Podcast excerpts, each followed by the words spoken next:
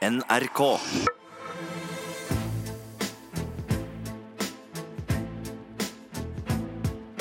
Trump mot verden med Gjermund Eriksen og Sean Henrik Matheson. Ja, det kan du banne på!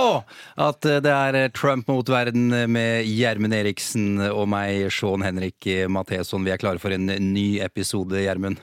Åssen går det? Ja, det er, det er Trump mot verden. Sa hva sa jeg for noe med verden? Ja, mot verden. Du Ja, sa mot verden, men du, du kan legge vekten på mot verden. Okay. Ja, han er ikke for.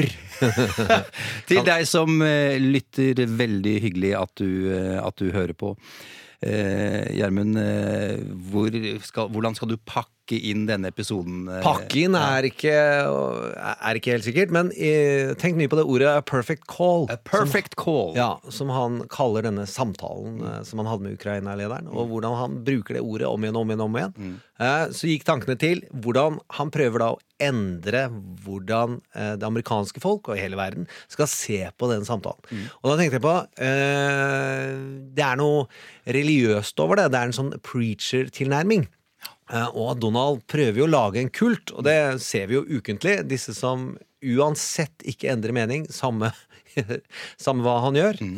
så har han den, eh, den måten å tilnærme seg dem på, og måten å snakke på. Så tror jeg mye å lære ved det. Og man må ikke undervurdere Donalds eh, semiotiske talent. Hva betyr det? Nei, det Vi kan høre på et klipp først av en av de største preacherne jeg vet om i TV-serier. True Detective eh, sesong én er en av verdens beste førstesesonger. Eh, og der eh, møter man en preacher. Da skal vi høre hvordan han eh, tilnærmer, tilnærmer seg verden. I'm here today to talk to you about reality. I'm here to tell you about what you already know. That this, oh, this is not real. It is merely the limitation of our senses, which are meager devices. Your angers and your griefs and your separations are a fevered hallucination, once suffered by us all, we prisoners of light and matter. Halleluja! Hello, prisoners of light and matter. Oh. Ja, eh, og det er mange grunner til at denne preacheren fungerer bra i den serien. Men han har også et semiotisk poeng i det han snakker om. Okay. Semiotikken er jo læren om hvordan symboler fungerer. Ah, blant takk. annet. Mye annet. Men hvis vi Det kan være litt vondt, men hvis vi går til X-Fill-pensumet, Mm. så er noe av den viktigste jeg vet om for alt om drama og politikk og politisk manipulasjon, Mm. oppsummert i Ogdens trekant. Oh, det må du minne meg Ja, på. og Ogdens trekant, det er eh, tre hjørner i den. Uh, bør ikke gå på alle effektene med hvordan det virker på mennesker, men det, det poenget er at det er symbol og ord som brukes, og de viser til en mental begrepsverden som vi har inni hodene våre.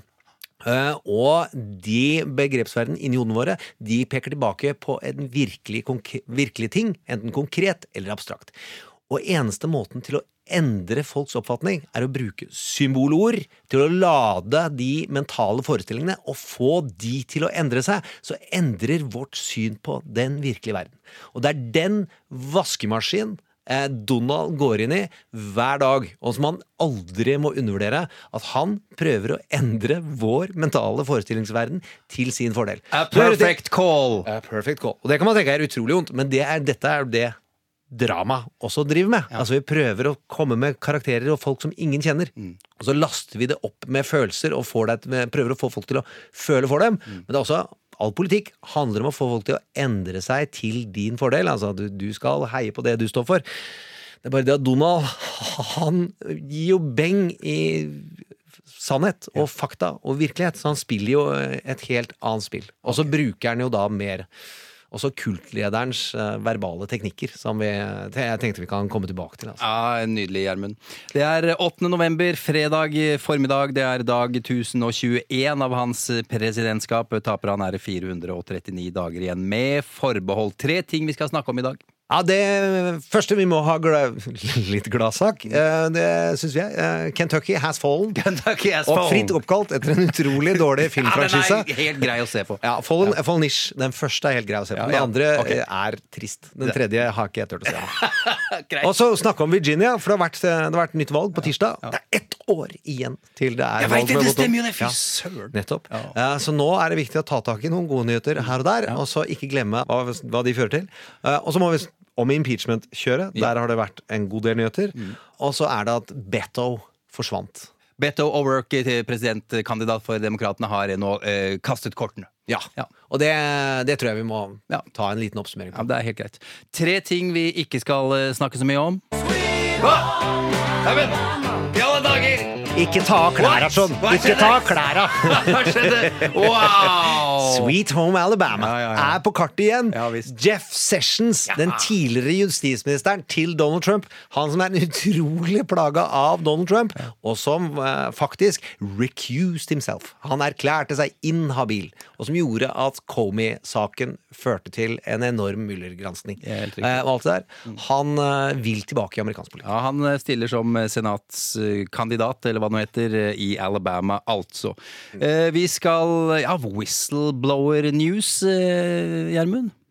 Det er jo helt drøyt at det eh, navnet på whistlebloweren blir først pusha ut av Rand Paul, som er eh, senator fra Kentucky, og som er på et stort event sammen med Donald Trump, og fra scenen begynner å mase om at det navnet må komme ut. Eh, og så henvender de seg til russiske medier, som da dumper det ut. Eh, og Donald Trump jr., som også da går ut med hvem de antar det kan være. En Ja. CIA-medarbeider som vi ikke har tenkt å, å gå ut med. Nei, det skal vi ikke gjøre. For eh, Donald Trump jr. han eh, twitret jo eh, navnet på denne eh, whistlebloweren. Altså, som kan være whistlebloweren. Ja, Og det setter jo en familie og det mennesket i en uh, faresone. Vi vet jo at det har ført til vold tidligere. Ja, hva Donald Trumps anta, De som er antagonister for Donald Trump, er jo på mange måter protagonister i vår serie. Men eh, Donald jr. syns jeg vi må feire lite grann. Feire, faktisk! Ja, eh, for der har vi eh, Tror jeg vi har peak performance. Altså den øverste prestasjonen på manglende selvinnsikt Ja. fikk vi forrige fredag. Og jeg syns det er viktigere å ta fram den okay. enn at, å slippe han til mer om whistlebloweren. eh, han- hvor han prøver å diskreditere Hunter Biden, Joe Bidens sønn. Og her er selvreferansene ikke helt på stell. Imagine if that was your name was Hunter Biden.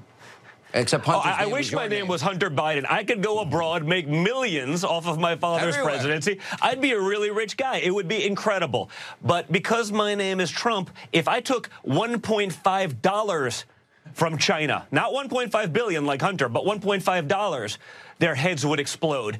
If I took a no-show job for $83,000 a month for a business I knew nothing about, in a language I didn't speak, in a corrupt country like the Ukraine, where my dad says we're going to withhold billions of taxpayer dollars if you don't get rid of the prosecutor investigating me, the media would end themselves, Sean. They'd have an aneurysm. We'd end the fake news media problem. That's the double standard that Wow. we're living under right now. Holy moly. The double standard! Men du, Gjermund, tror han på dette her, eller er det et spill?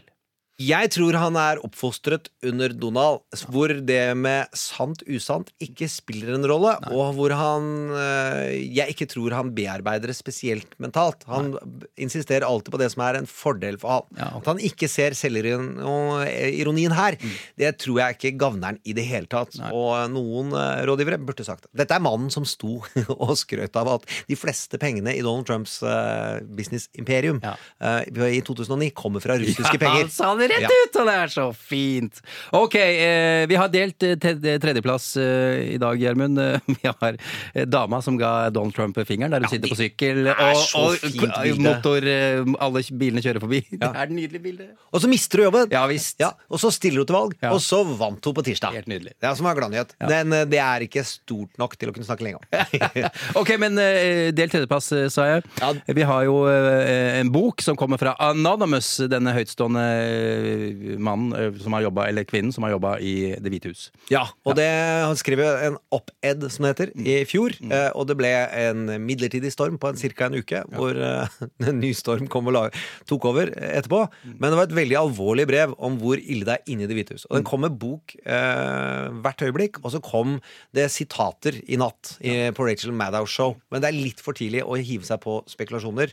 Eh, og litt tynt grunnlag. Og så håper jeg det kommer større ting enn det som kom ut nå. Eh, Men det, han, eh, eller denne personen da, sa jo at det var nærmest opprør, og de ville jo kaste presidenten, the 25th amendment, og alt mulig skulle settes i sving. Altså det som gjør at regjeringen kan se, avsette presidenten, for han var helt ute. Ja, Det var det, det han sa. Ja, det var det. Og så i tillegg etterpå så ble det jo utrolig mange i, i kabinettet, eller regjeringen hans, uh, som gikk ut og Det er i hvert fall ikke jeg som har skrevet, og jeg ville ikke gjort det. Og Nikki Haley som er kommet Og Jeg konfronterer alltid presidenten min eh, direkte, så det er i hvert fall ikke meg. Nikki Haley, eh, FN-ambassadør, så vidt jeg husker. Tidligere, i hvert fall. Ja, ja, med god margin Ja, tidligere. Eh, Potensielt avrette Trump-kandidat er det masse spekulasjoner om at det er noe som kan hoppe raskt inn i kampanjen dersom Donald blir avsatt. Ja, akkurat. Det har vært valg i USA siden sist, og det har ikke gått i Donald Trumps favør.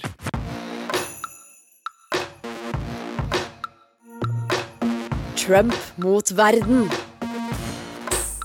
Ja, Det har eh, altså vært valg i USA siden eh, sist. Alle stater i USA har jo sin egen administrasjon, eh, sin egen eh, statlig kongress, eh, på en måte, kan man jo si, med to kamre. Representantenes hus og Senatshuset, og en eh, guvernør.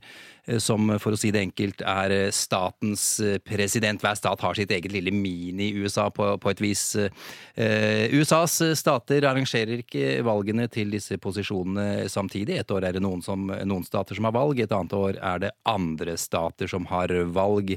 Eh, Hvorfor er det sånn, Gjermund? Artig spørsmål. det finnes et utrolig langt svar som jeg ikke kan, og da handler det om amerikanske valgordninger eh, sin utvikling over lang tid. Men grunnlovsfedrene tenkte jo at eh, England uh, fins der som en måte å overta og prøve å korrumpere valgene deres. Eh, så det å fragmentere valgordningene, det har alltid vært viktig. Det vil si at alle valg i delstatene gjøres på forskjellig vis, telles på ulikt vis, og de bestemmer selv hvordan det er. Eh, det gir jo også disse delstatene en god autonomi. Men mest av alt så skal det være vanskelig å manipulere valget i USA. Selv om Det skjer vi er inne i ja, eh, Vi er inne i en periode hvor noen prøver ordentlig, i hvert fall. Ja, ja, okay. Det er spesielt én stat eh, vi bør snakke om, eh, Gjermund. På tirsdag skulle det velges ny guvernør i Kentucky. Det er majoritetsleder i senatet Mitch McConnell sin hjemstat. Hva skjedde? Nei, Det er jo en delstat hvor Donald Trump vant med 30 eh, om jeg ikke husker feil, Mm. eh, over demokraten. Der vinner en demokrat Mm. guvernørembetet. Jeps. Eh, og det er så klart en stor og morsom nyhet.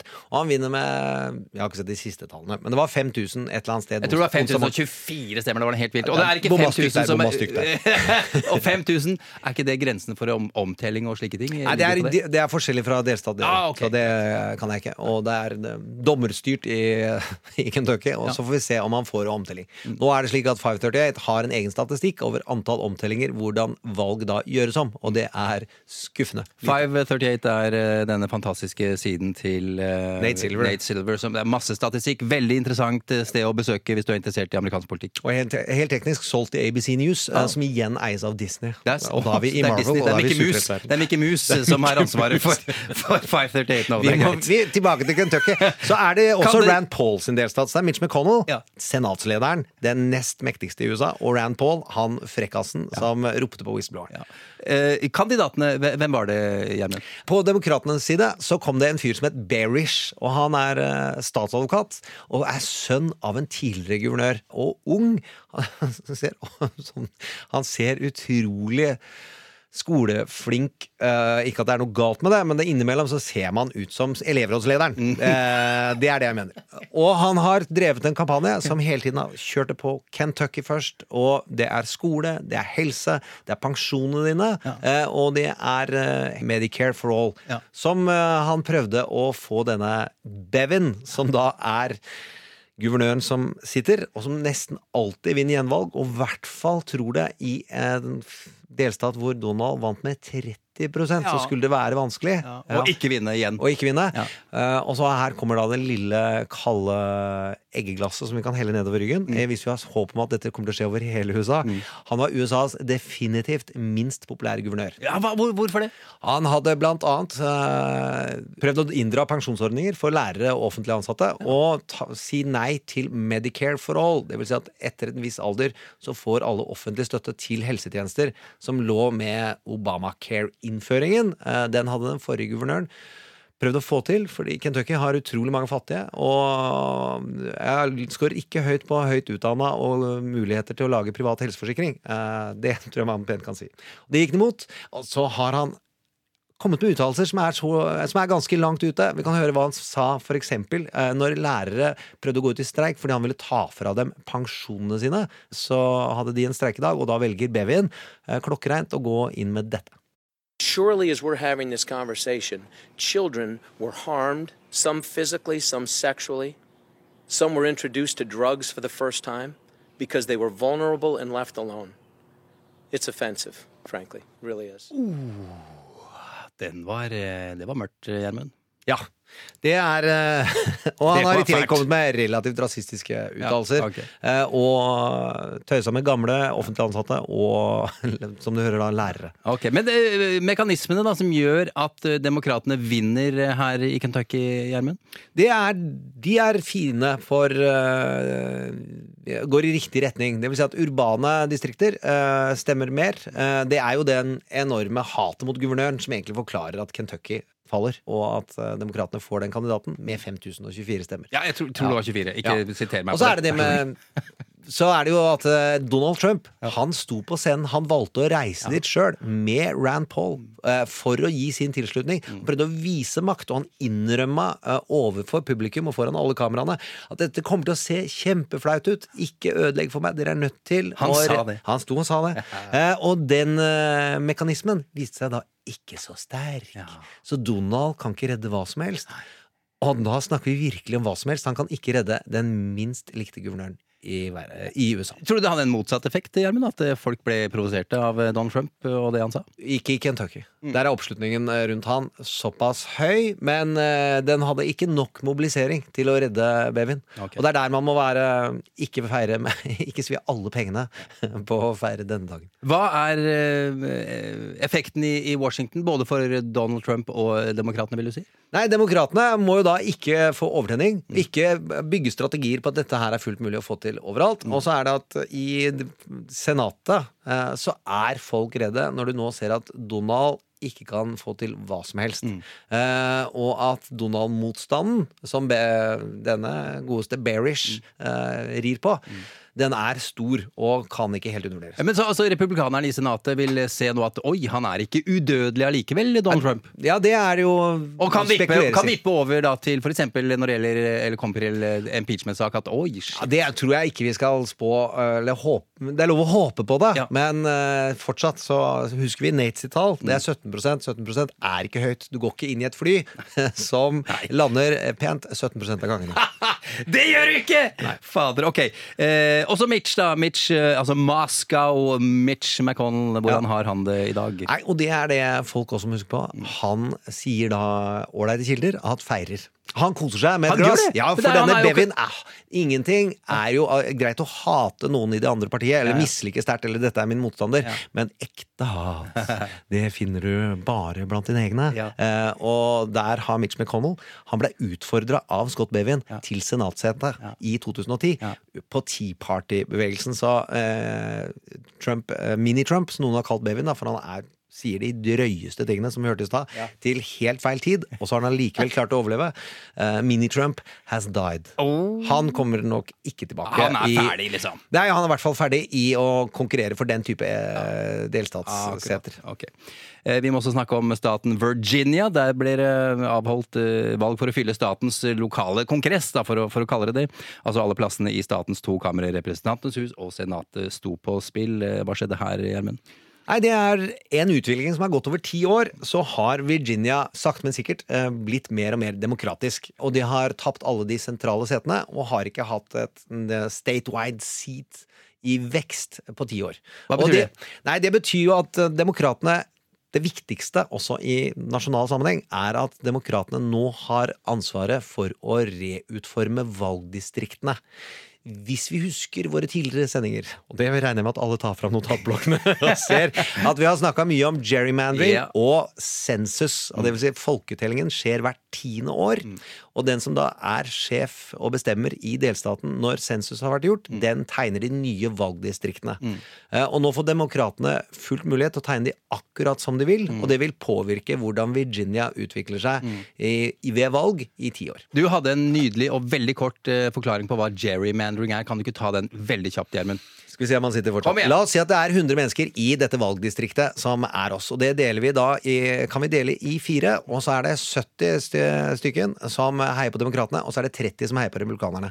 Da døtter vi alle 70 inn i det ene distriktet, og så sier vi at hvert distrikt får én stemme. Mm. Uh, og da blir det at 30% får alle plassene Nei, de, 30, ja. de får tre av fire plasser. Ja, og slikt har dessverre republikanerne jobba, også demokratene, i historiske perioder. Man ve- nå snakka jeg fort. Mm. Nei, Jeg det bare funka som pocket! Okay, Jeg jeg syns du var veldig god. Ja, men jeg hørte at jeg snakket magen. Jeg Jeg syns det var kjempefint. Oh, skal vi gå inn i det? Sånn. Ja. eh, Og så er det en verre ting ved det, er at det var en eh, Alle håpet at Høyesterett ville gripe inn, og at eh, udemokratiske strategier i Nå gikk jeg for sakte mode. ja. I udemokratiske, uh, udemokratiske tegninger av uh, valgdistrikter. Det skulle bli stoppa, men det sa Høyesterett eh, nei til. Det eh, lar de være i delstatene. Ok. eh, sa de. Du, bare et, et lite ankepunkt er det riktignok her. fordi fortsatt er det for få svarte og fargede som deltok i disse valgene. Det var de hvite som, som avgjorde, Gjermund. Hva betyr det? Ja, Det er det noen som skriver. Den viktigste tendensen uh, i både Kentucky og i Virginia, som da disse som uh, snakker om disse valgene forteller om, det er jo at forstadsutviklingen, at de snur demokratisk der de tidligere har vært republikansk, den uh, fungerer på nasjonalt nivå. Eh, og det er blant annet de litt skuffende hvite, høyt utdanna kvinnene i forstedene. Der stemte flertallet på Donald Trump. Ja. Noe som Rart. Pussy grabbing me here and pussy grabbing me pussy- there. pussy. Kanskje ikke Ja, den, den var fin. det var rart! Jeg tenkte ikke på den engang! Unnskyld. Ja. Nettopp! Oh, Ja, vi går videre. Ja. Eh, fort. Og så Den utviklinga holder seg. Og så kan man si at fargede mobiliserte ikke i Virginia. Virginia, Du har ikke lyst til å ta det nå? Nei, vi går videre. Gå videre. Og nå har de demokratene vunnet i Virginia i over ti år. Mm. Eh, og da tenkte kanskje noen farge at eh, ok, jeg jogger ikke til valgurnene, for dette har vi, har vi i boksen. Og så er det sånn at Virginia har vært ridd av skandaler, Mm. sånn ordentlig morsomme under Obama-perioden. Så hadde du Bob McDonald, en eh, guvernør som ble arrestert sammen med kona si for å ha tatt bestikkelser. eh, Som var eh, utrolig flau rettssak over lang tid, med utroskap og turer og bryllup. Veldig pinlig for republikanerne. Og så hadde Ken Cuccinelli, som da var førstestatsadvokat, eh, som også var homsehatende lover, altså sodomy laws, som han skulle innføre. Så det er mange grunner til at Virginia bare har pumpa på i demokratisk retning, og nå bank i bordet. Det er ingen som husker hva vi sa om ti år. Ja, det kommer til å sitte i ti år. Dette her sitter som en skudd, jeg lover deg. Ok, Eh, Gjermund, tusen takk. Vi skal til eh, impeachment-prosessen, eh, og vi skal høre et klipp. Ja, og da tenk litt på A Perfect Call, og det av hvordan en prest legger stemmen og passer på at det er ikke noen følelser her. Jeg kommer med objektive sannheter, og dette er det jeg ønsker å si, og velger å komme med en stadig ny bisetning og en ny bisetning som løfter tanken til at det jeg mener om Gud, det er slik det er. Impeachment for that? It's a joke. Uh, it was just a perfect conversation. Very, very innocent, very nice call. It was a very innocent call. Mike Pence's conversations. It was beautiful. When you have a wonderful meeting or you have a wonderful phone conversation, they were all perfect. You take a look at that call, it was perfect. Lindsey Graham said to me when he read it, he said, I can't believe it. I never knew you could be this really nice to a person. A perfect call. Åh, Kultlederen vår. Ja, ja, visst. eh, Ypperste presten. Ja, og det har, uh, han har større behov for å endre folks oppfatning om det nå enn det han hadde forrige uke. Eh, Impeachment-prosessen, altså. Ja den, uh, ja, den dundrer på, må vi vel kunne si. Det har vært en veldig spennende uke. Majoritetsleder i Representantenes hus og leder for prosessen, Nancy Pelosi, har ikke akkurat trukket i, i bremsene. Tvert imot. Siste Sist uke så ble den jo formalisert, Gjermund. En ny uke med nye vitnemål fra nøkkelpersoner. Enkelte har til og med vitnet eh, på nytt, og vi har også fått servert lekkasjer fra høringene, og etter hvert også hele vitnemål. Det er oppsiktsvekkende ting som har kommet fram. eh, Dramatisk og alvorlig for Donald Trump. Ja, det vil jeg si. Og mest av alt syns jeg jo det er at uh, dette fungerer slik Pelosi har planlagt. Ja. At hun får mest mulig effekt ut av hvordan hun har organisert hele prosessen. Ja, hvordan er det? Nei, det er jo at først så eh, er det lukket høring. Og ingen vet hvem som kommer. Men det eneste som eh, folk blir oppfordret til, er å ha en opening statement. Som de lekkes ganske raskt. Og som du har rett til å gi. Ja, for den skal jo Den er ikke Den kan gis til pressen. Ja, Ja, ja, ja, Og så kommer det en lukket høring hvor vi ikke får høre noe annet enn enkeltlekkasje av dette kom fram, dette kom fram, dette kom fram. Og denne uka så kom da det skrift, utskriftene av samtalen, og hvor demokratene da har sittet med gulpenn eller oransjepenn og vist se på dette, se på dette, se på dette. Mm. Da får du trippeleffekt eh, gjennom hver enkelts uttalelse, og du får bygd dem som karakterer på en helt annen måte enn rundt det der eh, Corin-skandalen som var rett før sommeren. Ja, Lewandowski snakker om nå. Hvem, Ja. hva, skjedde der? Nei, det er jo at Demokratene tenkte at nå skal vi virkelig få satt han på prøve, og vi skal få endret eh, tilbake til å endre folks oppfatning ved å få inn Corin, og så bare lar vi han ha en åpen høring. Og han kommer og kjører over alle sammen og holder et enormt show hvor han skal komme ut med sine interesser, og hvor demokratene ikke er koordinerte. De får ikke fram de poengene som var viktige for dem, annet enn i en liten halvtime helt til slutt, når eh, de endelig får en ordentlig statsadvokat som kan utspørre om ting. Og det har irritert eh, Pelosi siden da, og derfor ligger høringene hos Skiff. Ja, for han er bedre til de greiene der. Han, har mer kontroll på komiteen sin Ja. enn eh, Adler, Ja, okay. Men eh. Lewandowski, hvem var det igjen, bare kjapt? Ja, det var kampanjesjefen til Donald Trump før Paul Manafort, og som har en liten eh, og da mener jeg, bare for å beskrive en som karakter, Ja, rotte av en fyr som snakker Ja. Vi skal jo ikke snakke dritt om folk som snakker fort. Det er ikke mulig. Det er ikke mulig Nei. å snakke om. Men uh, han måtte gå av etter en god del kritikk, og Manafort snakka han ut. Og de var i konflikt. Men han har alltid vært Donald-lojal. Og så har han vært på CNN som kommentator, og da er det vondt i øra å høre antall ting han kan forsvare. Mm. Og så viste det seg at han brøt da en viktig regel for kommentatorer på CNN. Han skal ikke koordinere seg med valgkampanjen til Donald. Okay. Og da, røyk- da mista han den jobben òg. Ja, Nå ja. stiller han eh, som senatskandidat i New Hampshire, eller? Kan, eh, kan han vinne, tror du? Har han en sjanse, eller er han for eh, ute, holdt jeg på å si? Det, dårlig, nei, altså At han kan vinne som republikanernes republikanernes kandidat, Ja. det er bare hvis han får Donald på sin side. Så kan det skje. Mm. Uh, da skjer det. Eh, det kan jeg ikke tenke meg noe annet. Nei, Men ja. om han vinner i den delstaten han stiller, det, det vet jeg ikke. Uh, hva har, eh, hvis vi går tilbake til høringene, hva har kommet fram denne uka her, eh, Gjermund? Nei, det er jo helt overordna, så eh, kom det jo fram at eh, denne Soundland, han har endret eh, sin forklaring. Ja. Eh, den- 180 grader, nærmest. Ja, ja, ja. og han er nå hovedvitne på at det var en quid pro quo-avtale. Og så kom det eh, fram at, som ikke er direkte ut av høringene, men Barr, eh, justisministeren, har blitt oppfordra av Donald til å ha en pressekonferanse og si han, Donald er ikke under mistanke, og det har Barr nektet. Ja, for Donald ba han bare si Du må si at dette bare er tull og tøys, og at jeg er uskyldig! Ja, Ja. og det nektet Barr, og det sier noe om at Barr i hvert fall har skjønt alvoret. Men der har vi, vi aldri undervurdert Barrs juridiske talent. Men Der- kan han fortsatt vri seg unna? Han er jo dratt ned i søla her av, av Donald Trump. Kan han komme seg unna det her, hvis det smeller for alvor? Det er jo stor sjanse for at det ikke smeller for alvor. Altså at eh, Donald blir eh, frikjent eller Ja. ikke Altså- dømt i Senatet. Ja, at, han blir, at han ikke blir ja. dømt. Ja. Men uh, de under Nixon, hvis vi skal huske tilbake til den tiden, så røyk nesten alle i fengsel Mm. uh, og fikk ulike former for straffer, mens Nixon gikk fri. Mm. Uh, eller i hvert fall fikk ikke dom. Eh, og der har vi også denne Bill Taylor Mm. sine uttalelser, som gikk mye dypere og var mye mer detaljert. Og der Bill Taylor var da en eh, diplomat som har tatt notater hele veien. Og da var det en i Washington Post. Mm. Han sa at eh, Bill Taylors notater, det kan bli nåtidens Nixon tapes. Ja, ja. Altså at det er såpass mye detaljer, og det stikker veldig dypt. Han har så mange små notatblokker at du kan le deg i hjel. Ja. Det, men det som jeg syns var enda mer alvorlig, og som Ja. kom fram i jungelen av podka egne podkaster om impeachment-prosessen, Ja. så har du blant annet Ezra Klein, eh, verdens beste journalist under 40 år, Ja. eh, som har startet Vox. Han har jo begynt med egne impeachment-sendinger, og han sier, forteller da om hvordan dette peker så drøyt tilbake på Russland. Eh, og da vet ikke jeg om han kjente til, for han har veldig gode kilder blant demokratene, om han kjente til Bill Taylors detaljer, eh, hvor han peker på at Donalds Ukraina-obsession begynte med Manafort før han ble president. Manafort, tidligere altså, valgkampleder for eh, Donald Trump, som nå sitter i fengsel. som nå sitter i fengsel, og som er i hvert fall dømt for å samarbeide med uhederlige mennesker over lang tid. Uh, han sitter i fengsel, og han har da snakket Ukraina ned i ørene til Donald.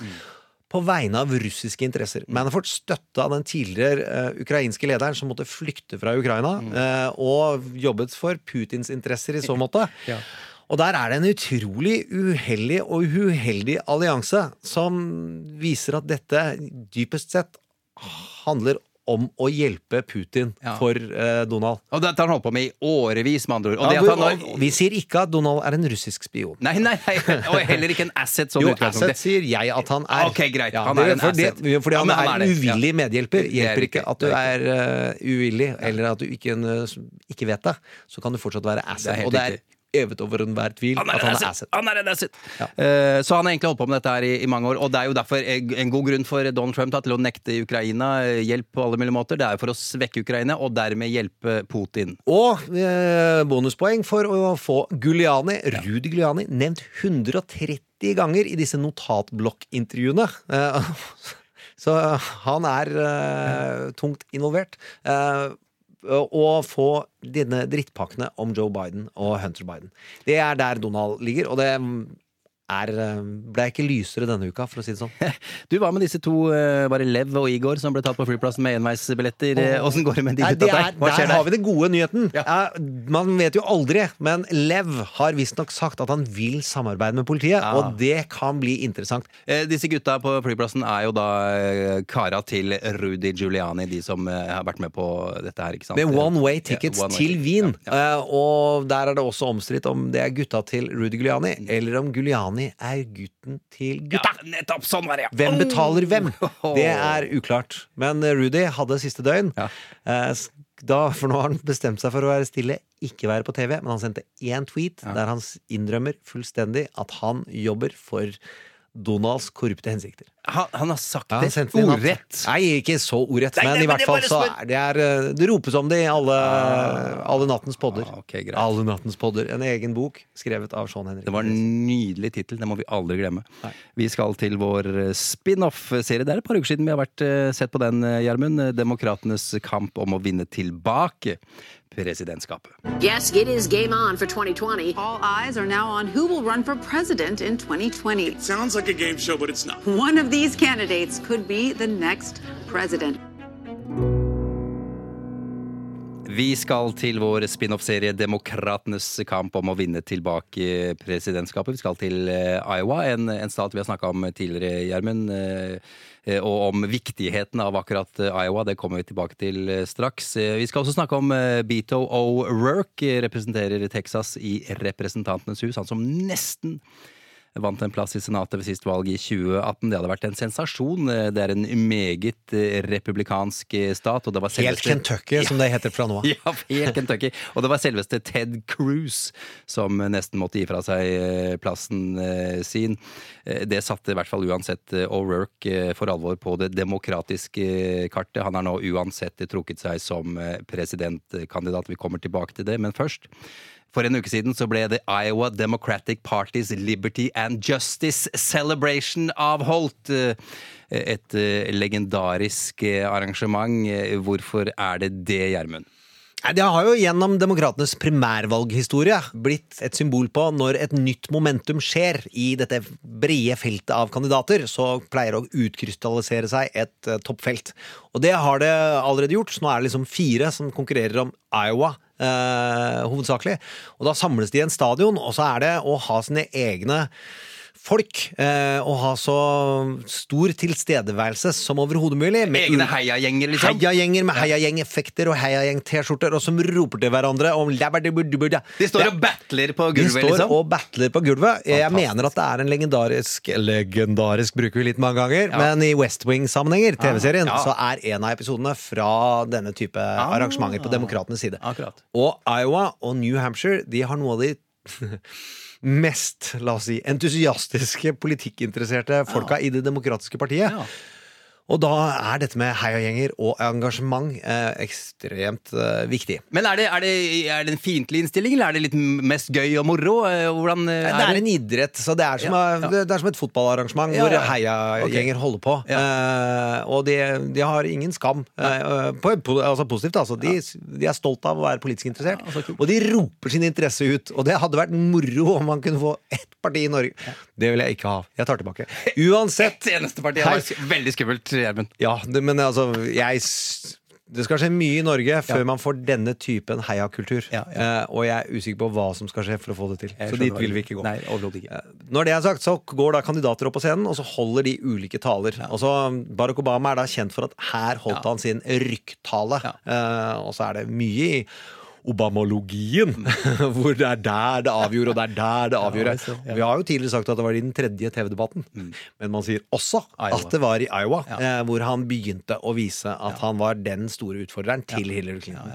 Eh, og det er en god gjennomgang av eh, de ulike talene og hvordan de fungerte, med av David Axelrod, tidligere hovedrådgiveren, og Mike Murphy. Til eh, Obama. Ja, og Mike Murphy, tidligere hovedrådgiver til bl.a. McCain og jobba i Bush-kampanjene, de har en egen pod som heter Hacks on Tap. Altså, det er bare å, bare å dra i krana, så får du eh, ekspertråd. Og Der gikk de gjennom de ulike tallene, og det er, mye av det de sier, ble ganske raskt bekrefta i type målinger. Warren har da nådd et tak, eh, sier dem i utviklinga. Her er det bare å banke i bordet, for det sier man ofte i valgkamper, at den vil ikke få mer. Altså Elizabeth Warren har, har maksa ut av det hun klarer. men det sa man, sier man alltid når noen da har en eller annen midlertidig stopp. Ja. Og det kan jo tenkes at Bernie Sanders, når han har hjerteattakk og har en imponerende tilbakekomst, Mm. eh, at noe da skjer i den dynamikken som er litt midlertidig. Ja. Så får vi se. Og hvis en av de trekker seg, så er det noen stemmer som går over til den andre. Ja. Så at det er en midlertidig stopp, det tror jeg vi kan være enig i. Og det siste store poeng, to siste store poengene er at Buttigieg Ja. er nå trygt tosifra i eh, Iowa, og er en eh, utfordrer til å kunne vinne. Det betyr at de andre leder, Ja. men han er innafor reachen av å kunne virkelig gjøre en stor forskjell. Han har forskjell. en oppsving, liksom. Oppsving, Ja. og Biden er på fjerdeplass. Ja, Biden er på fjerdeplass! Ok. Han har aldri satsa tungt i Iowa. Han Hvorfor ikke det? Fordi han tar det for For de gitt? Ja. Nei, de er progressive, de er til venstre. Ja, de er ikke sentristene det. i Det demokratiske parti. Ja. Og han satser på å komme på tredjedelsstaten, hvor det er South Carolina, og hvor de er de fargede, hvor det er 70% fargede som dominerer Det demokratiske partiet. Og så får vi se. Men det, i hvert fall Iowa, er nå i gang. Men hva, Vi har jo snakka om Iowa før, og da, at, at, den er, at det er en viktig stat. Hva, hvorfor er det så viktig akkurat eh, Iowa, Gjermund? ting igjen, så er det at nasjonale målinger eh, Altså det at hva, hva mener alle i USA samtidig om kandidatene? Det er veldig lite interessant, utover at du får en stemningsbilde om den kandidaten. Alt endrer seg fordi man eh, velger én og én stat. Og Iowa er først ut. Så tror jeg det går én uke til New Hampshire.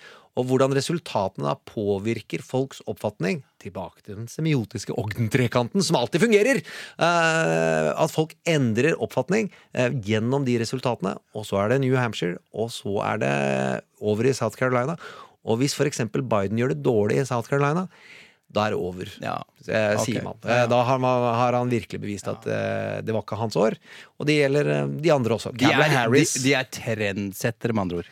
De er trend, trendsettere. Setter rytme, tone, Nettopp, eller Ja, okay. The Big Mo, for Ja. de som har sett West Wing.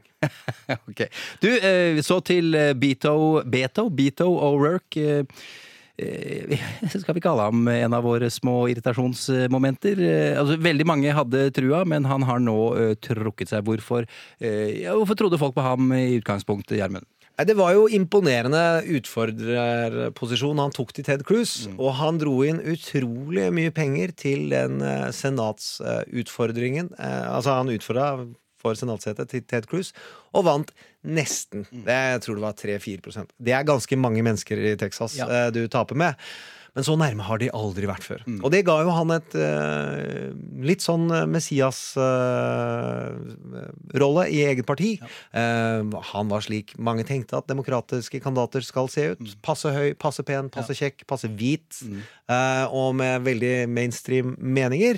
Men vi det er, det er ofte vi har bommet litt. Ja. Men uh, her har vi vært og lukta litt tidlig at uh, det virket ikke helt ekte. Nei, og fortell hvorfor det, for det er en interessant greie, Gjermund. Nei, vi syns jo at talene hans eh, virker litt hule. Det er litt eh, sånn eh, avskrift av Obama-taler, uten å ha skjønt eh, narrativet, altså fortellingen du prøver å bygge om deg selv. Og så tok han, når han lanserte, eh, og gjorde et stort intervju i Vanity Fair som om han nærmest allerede hadde vunnet. Som er en utro... Det vi har janteloven i Norge. Men i USA så skal du ikke ta seire på forskudd. Det ser alltid kleint ut. Eh, og det gjorde det her også. Og de, en annen ting han gjorde, var jo å gå på walkabout. Ja. For Det var ikke bare, var ikke bare at han uh, skulle ta det Vanity Fair-intervjuet, men han skulle finne ut om han om det passet han å bli president nå. En walkabout er jo noe aborginerne i Australia legger ut på. De kan være borte i årevis eller i 14 dager eller en halvtime, bare for å tenke litt. Ja, og tenke seg litt og finne seg selv. Og når han da ble spurt om hva er den boka du liker best, i et eller annet intervju, så sa han A Hero's Journey, som er en manusforfatterbok Ja. eh, til de som ønsker å skrive film. Mange løper og kjøper den. Ja. Og den sier hvordan du skal dyrke og eh, skape en helt. Ja. At du må finne på en historie som Vond barndom, du har hatt det tøft i oppveksten, og så blir du kalt til å gjøre noe, og det er mot din vilje, og så skal du testes av vond og mørk motstand, og gjennom den motstand skal du få en helt unik innsikt som gjør deg til frelseren her i verden. Han ønsker en sånn historie, basically. Ja, og så prøver han å lage seg selv til å bli den historien, og så sier han hva det står i boka i tillegg. Det er litt Eh, irriterende. Nei, det er også utrolig svakt. Svakt tenkt. Ja, svakt tenkt, Eh, ok. Og nå, Axelrod sa at ja. Beto er en snill fyr, Ja. men han var ikke klar for the big leagues. Ja, ok, Vi får se om han uh, blir mer klar. Og det var du og jeg enig med, Ja, vi var det! Det var så fett! Yes, ok. Men mens uh, Beto har uh, kastet kortene, så har tidligere ordfører i New York eh, og milliardær eh, Michael eh, Bloomberg eh, Plukka opp kortene, er sikkert ikke noe som heter det, men eh, han sier at han vurderer nå å stille Rasle med sabelen. Han vurderer å stille som presidentkandidat. eh, Han sa det vel i går eller foregårs?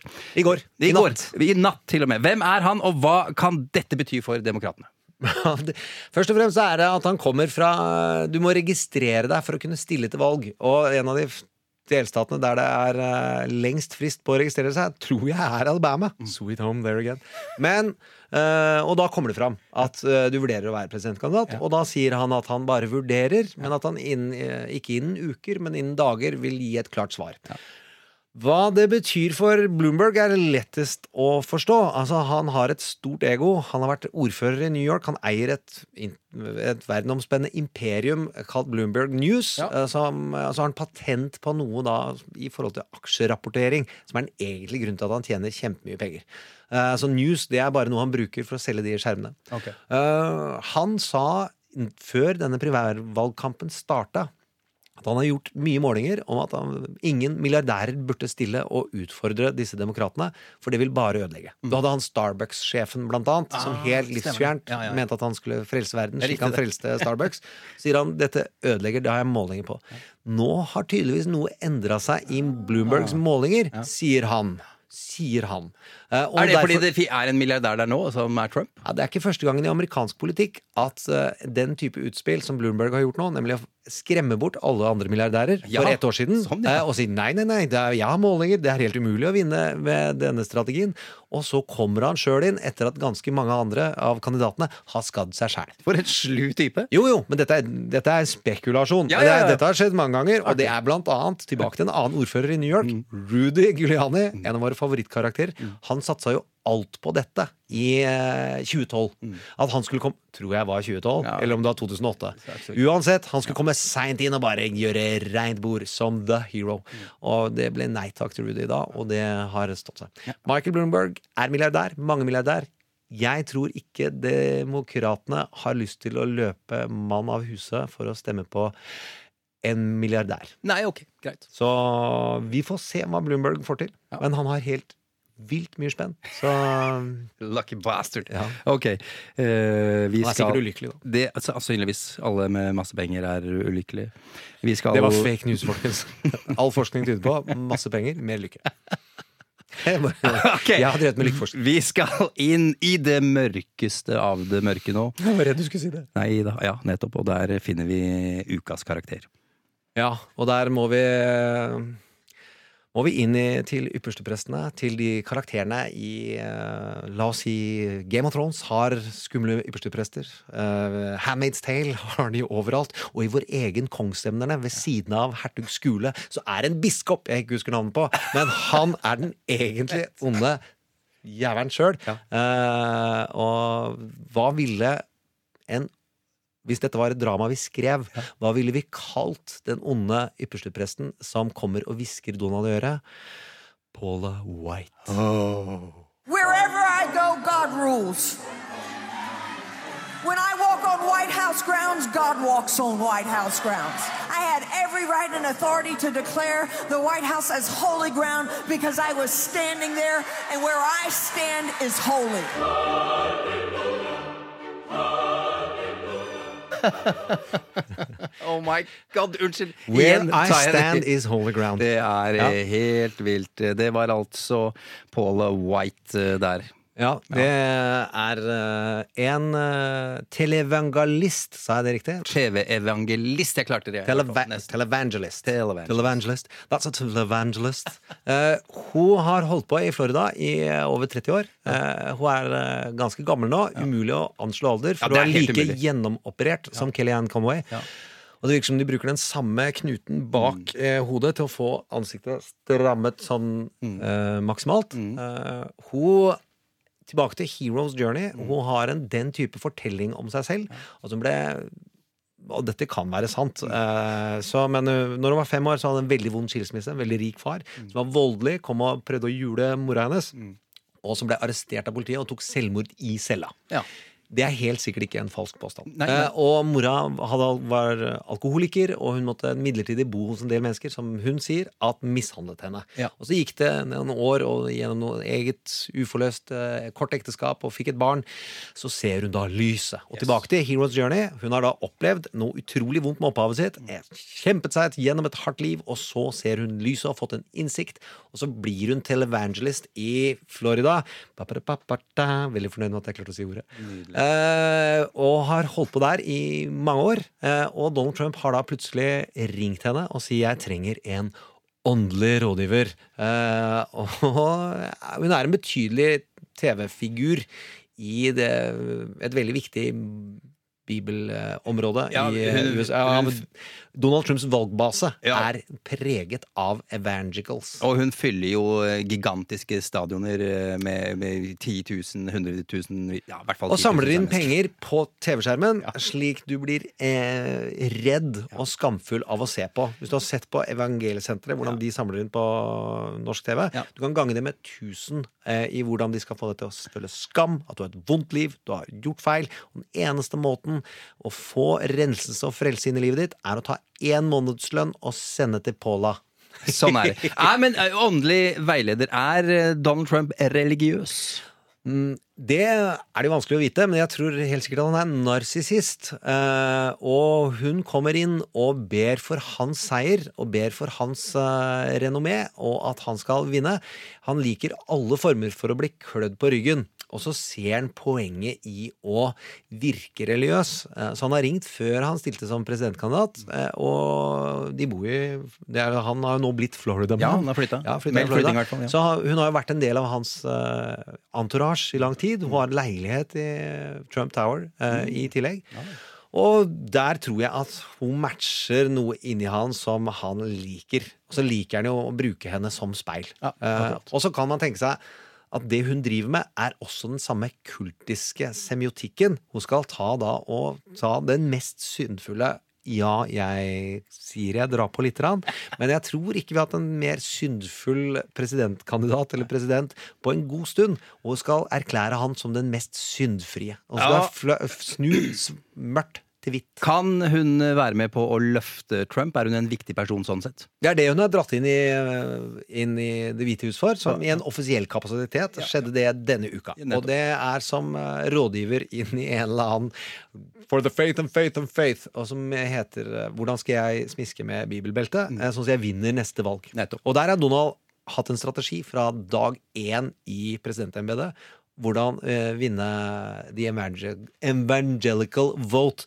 Det er vanskelig. Østfold. Der kom det ja, Ok. Gjermund, vi har et uh, lite lydklipp her eh, som kan eh, illustrere lite grann. Vi har snakket mye ned Altså preacheren, eh, presten. Den som åndelig prøver å inspirere folk til å gå i riktig retning. Og da tenkte jeg vi må ha en av motstemmene. En som faktisk da er kjent for å ha snakka rett i trynet på Paula White eh, om hvordan hun prøvde å renvaske Donald. Eh, han her er TV-kommentator, radiopersonlighet og politisk kommentator også.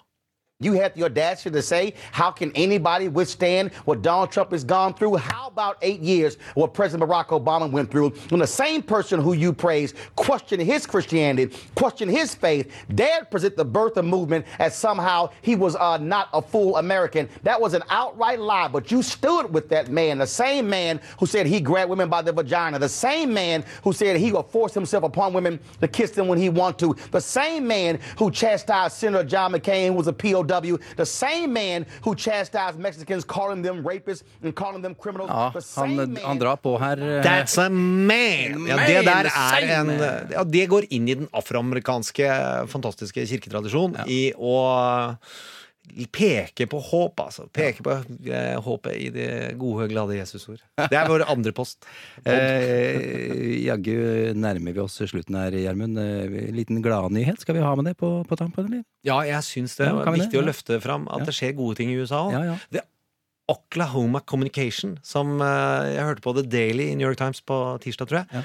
At Oklahoma de fant ut det er for mange folk i fengsel, og det er folk som sitter inne for dommer eh, på lovbrudd som vi har erklært ikke er lovbrudd lenger. Eh, altså De slapp ut eh, 400 og noe fanger på mandag eller tirsdag. god. Eh, og det, det er folk som ønsker å dra ting i riktig retning. Men det også, altså. gir også et, eh, et håp, vil jeg si. Det er, Det er eh, håp. Vi skal Vi ha det mer om ja, håp. Vi skal, vi skal til håp litt seinere. Ja. Du, vi har et eh, lytterspørsmål, eh, Gjermund. Eh, Tusen takk til alle som sender oss eh, mailer. Trump at nrk.no. Eh, Hør på dette her, Gjermund. I vennekretsen har jeg en Trump-tilhenger. Hun argumenterer for Trump med at hun ser på, Trump, eh, ser på hva Trump faktisk gjør, og ikke hva han sier. Hun sier også at eh, han gjør det han har sagt at han skal gjøre, jf. trekke soldatene hjem. Eh, er det virkelig så mange konkrete, gode resultater av Trump som president? Ta det første først. Hva han gjør. Mm. Eh, Det å si noe er å gjøre noe. Han har satt eh, utrolig mange i fare med sine ord. Han har da skapt eh, flere, inspirert flere terroranledninger allerede på amerikansk jord. Eh, Han har ført til en større angrep på folk med annen seksuell legning. Altså Voldstallene mot folk med en annen seksuell legning har gått betydelig opp, og det er ikke måte på hvor mye han har bidratt til polarisering. Når det handler om hva han gjør, så er det klart at ekstremt viktig for det religiøse delen av det republikanske parti å få høyesterettsdommere. Ja. Det skulle vi ha egne episoder for coming up. Der har han levert. Det er ingen tvil om. Når det gjelder økonomi, som er ikke alltid presidentene som har bidratt og fått det til, han fikk til en skattelette som gikk til eh, de absolutt rikeste i USA. En del av de pengene ble pløyet tilbake til amerikansk økonomi og fungerer som eh, stimulerer jo til økt aktivitet. Det er hans største to valgfordeler. Det å trekke tilbake styrker, der flytta han vel strengt tatt fra Syria til Saudi-Arabia. Og eh, det er, eh, det er veldig få utenrikspolitiske eksperter inni det republikanske partiet en gang som vil si at han har bidratt til verdensfred eh, siste tre åra.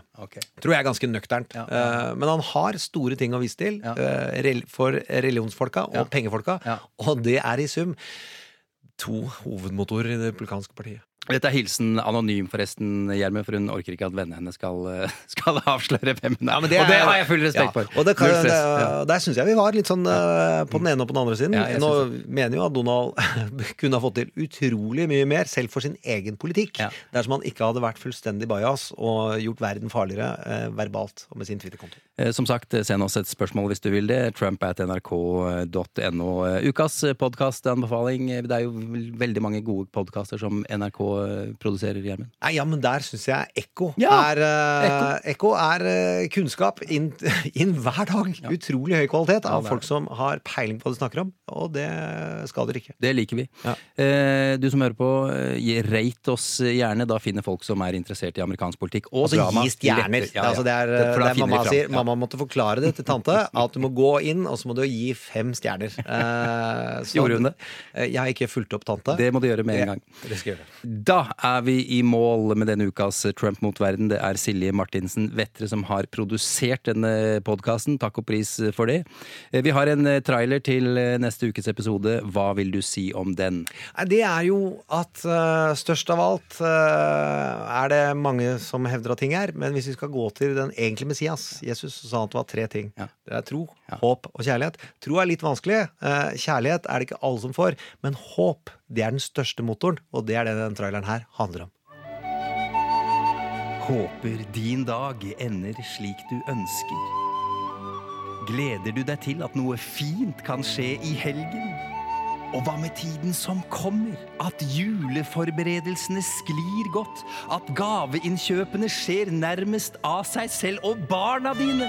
Eller andres barn som har vært bortskjemte og vist for lite takknemlighet gjennom tidligere år, endelig, endelig vil gjøre både Jesus og alle englene stolte av den flotte oppførselen sin?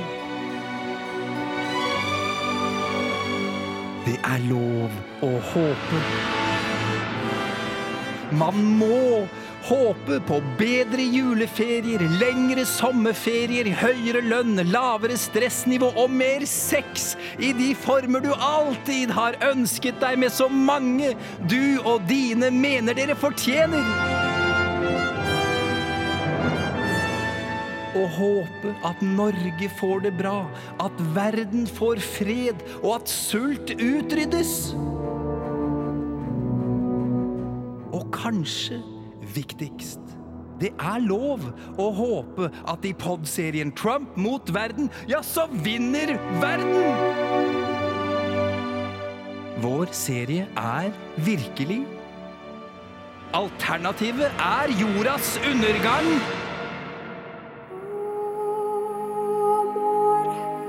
Men håpet, håpet er Donald Trump i fengsel, impeached eller seks fot under av en brå og naturlig død.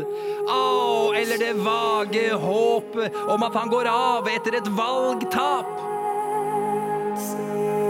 Neste uke skal det handle om håp! Velkommen tilbake, TV-serie and American politics-interesserte motherfucker!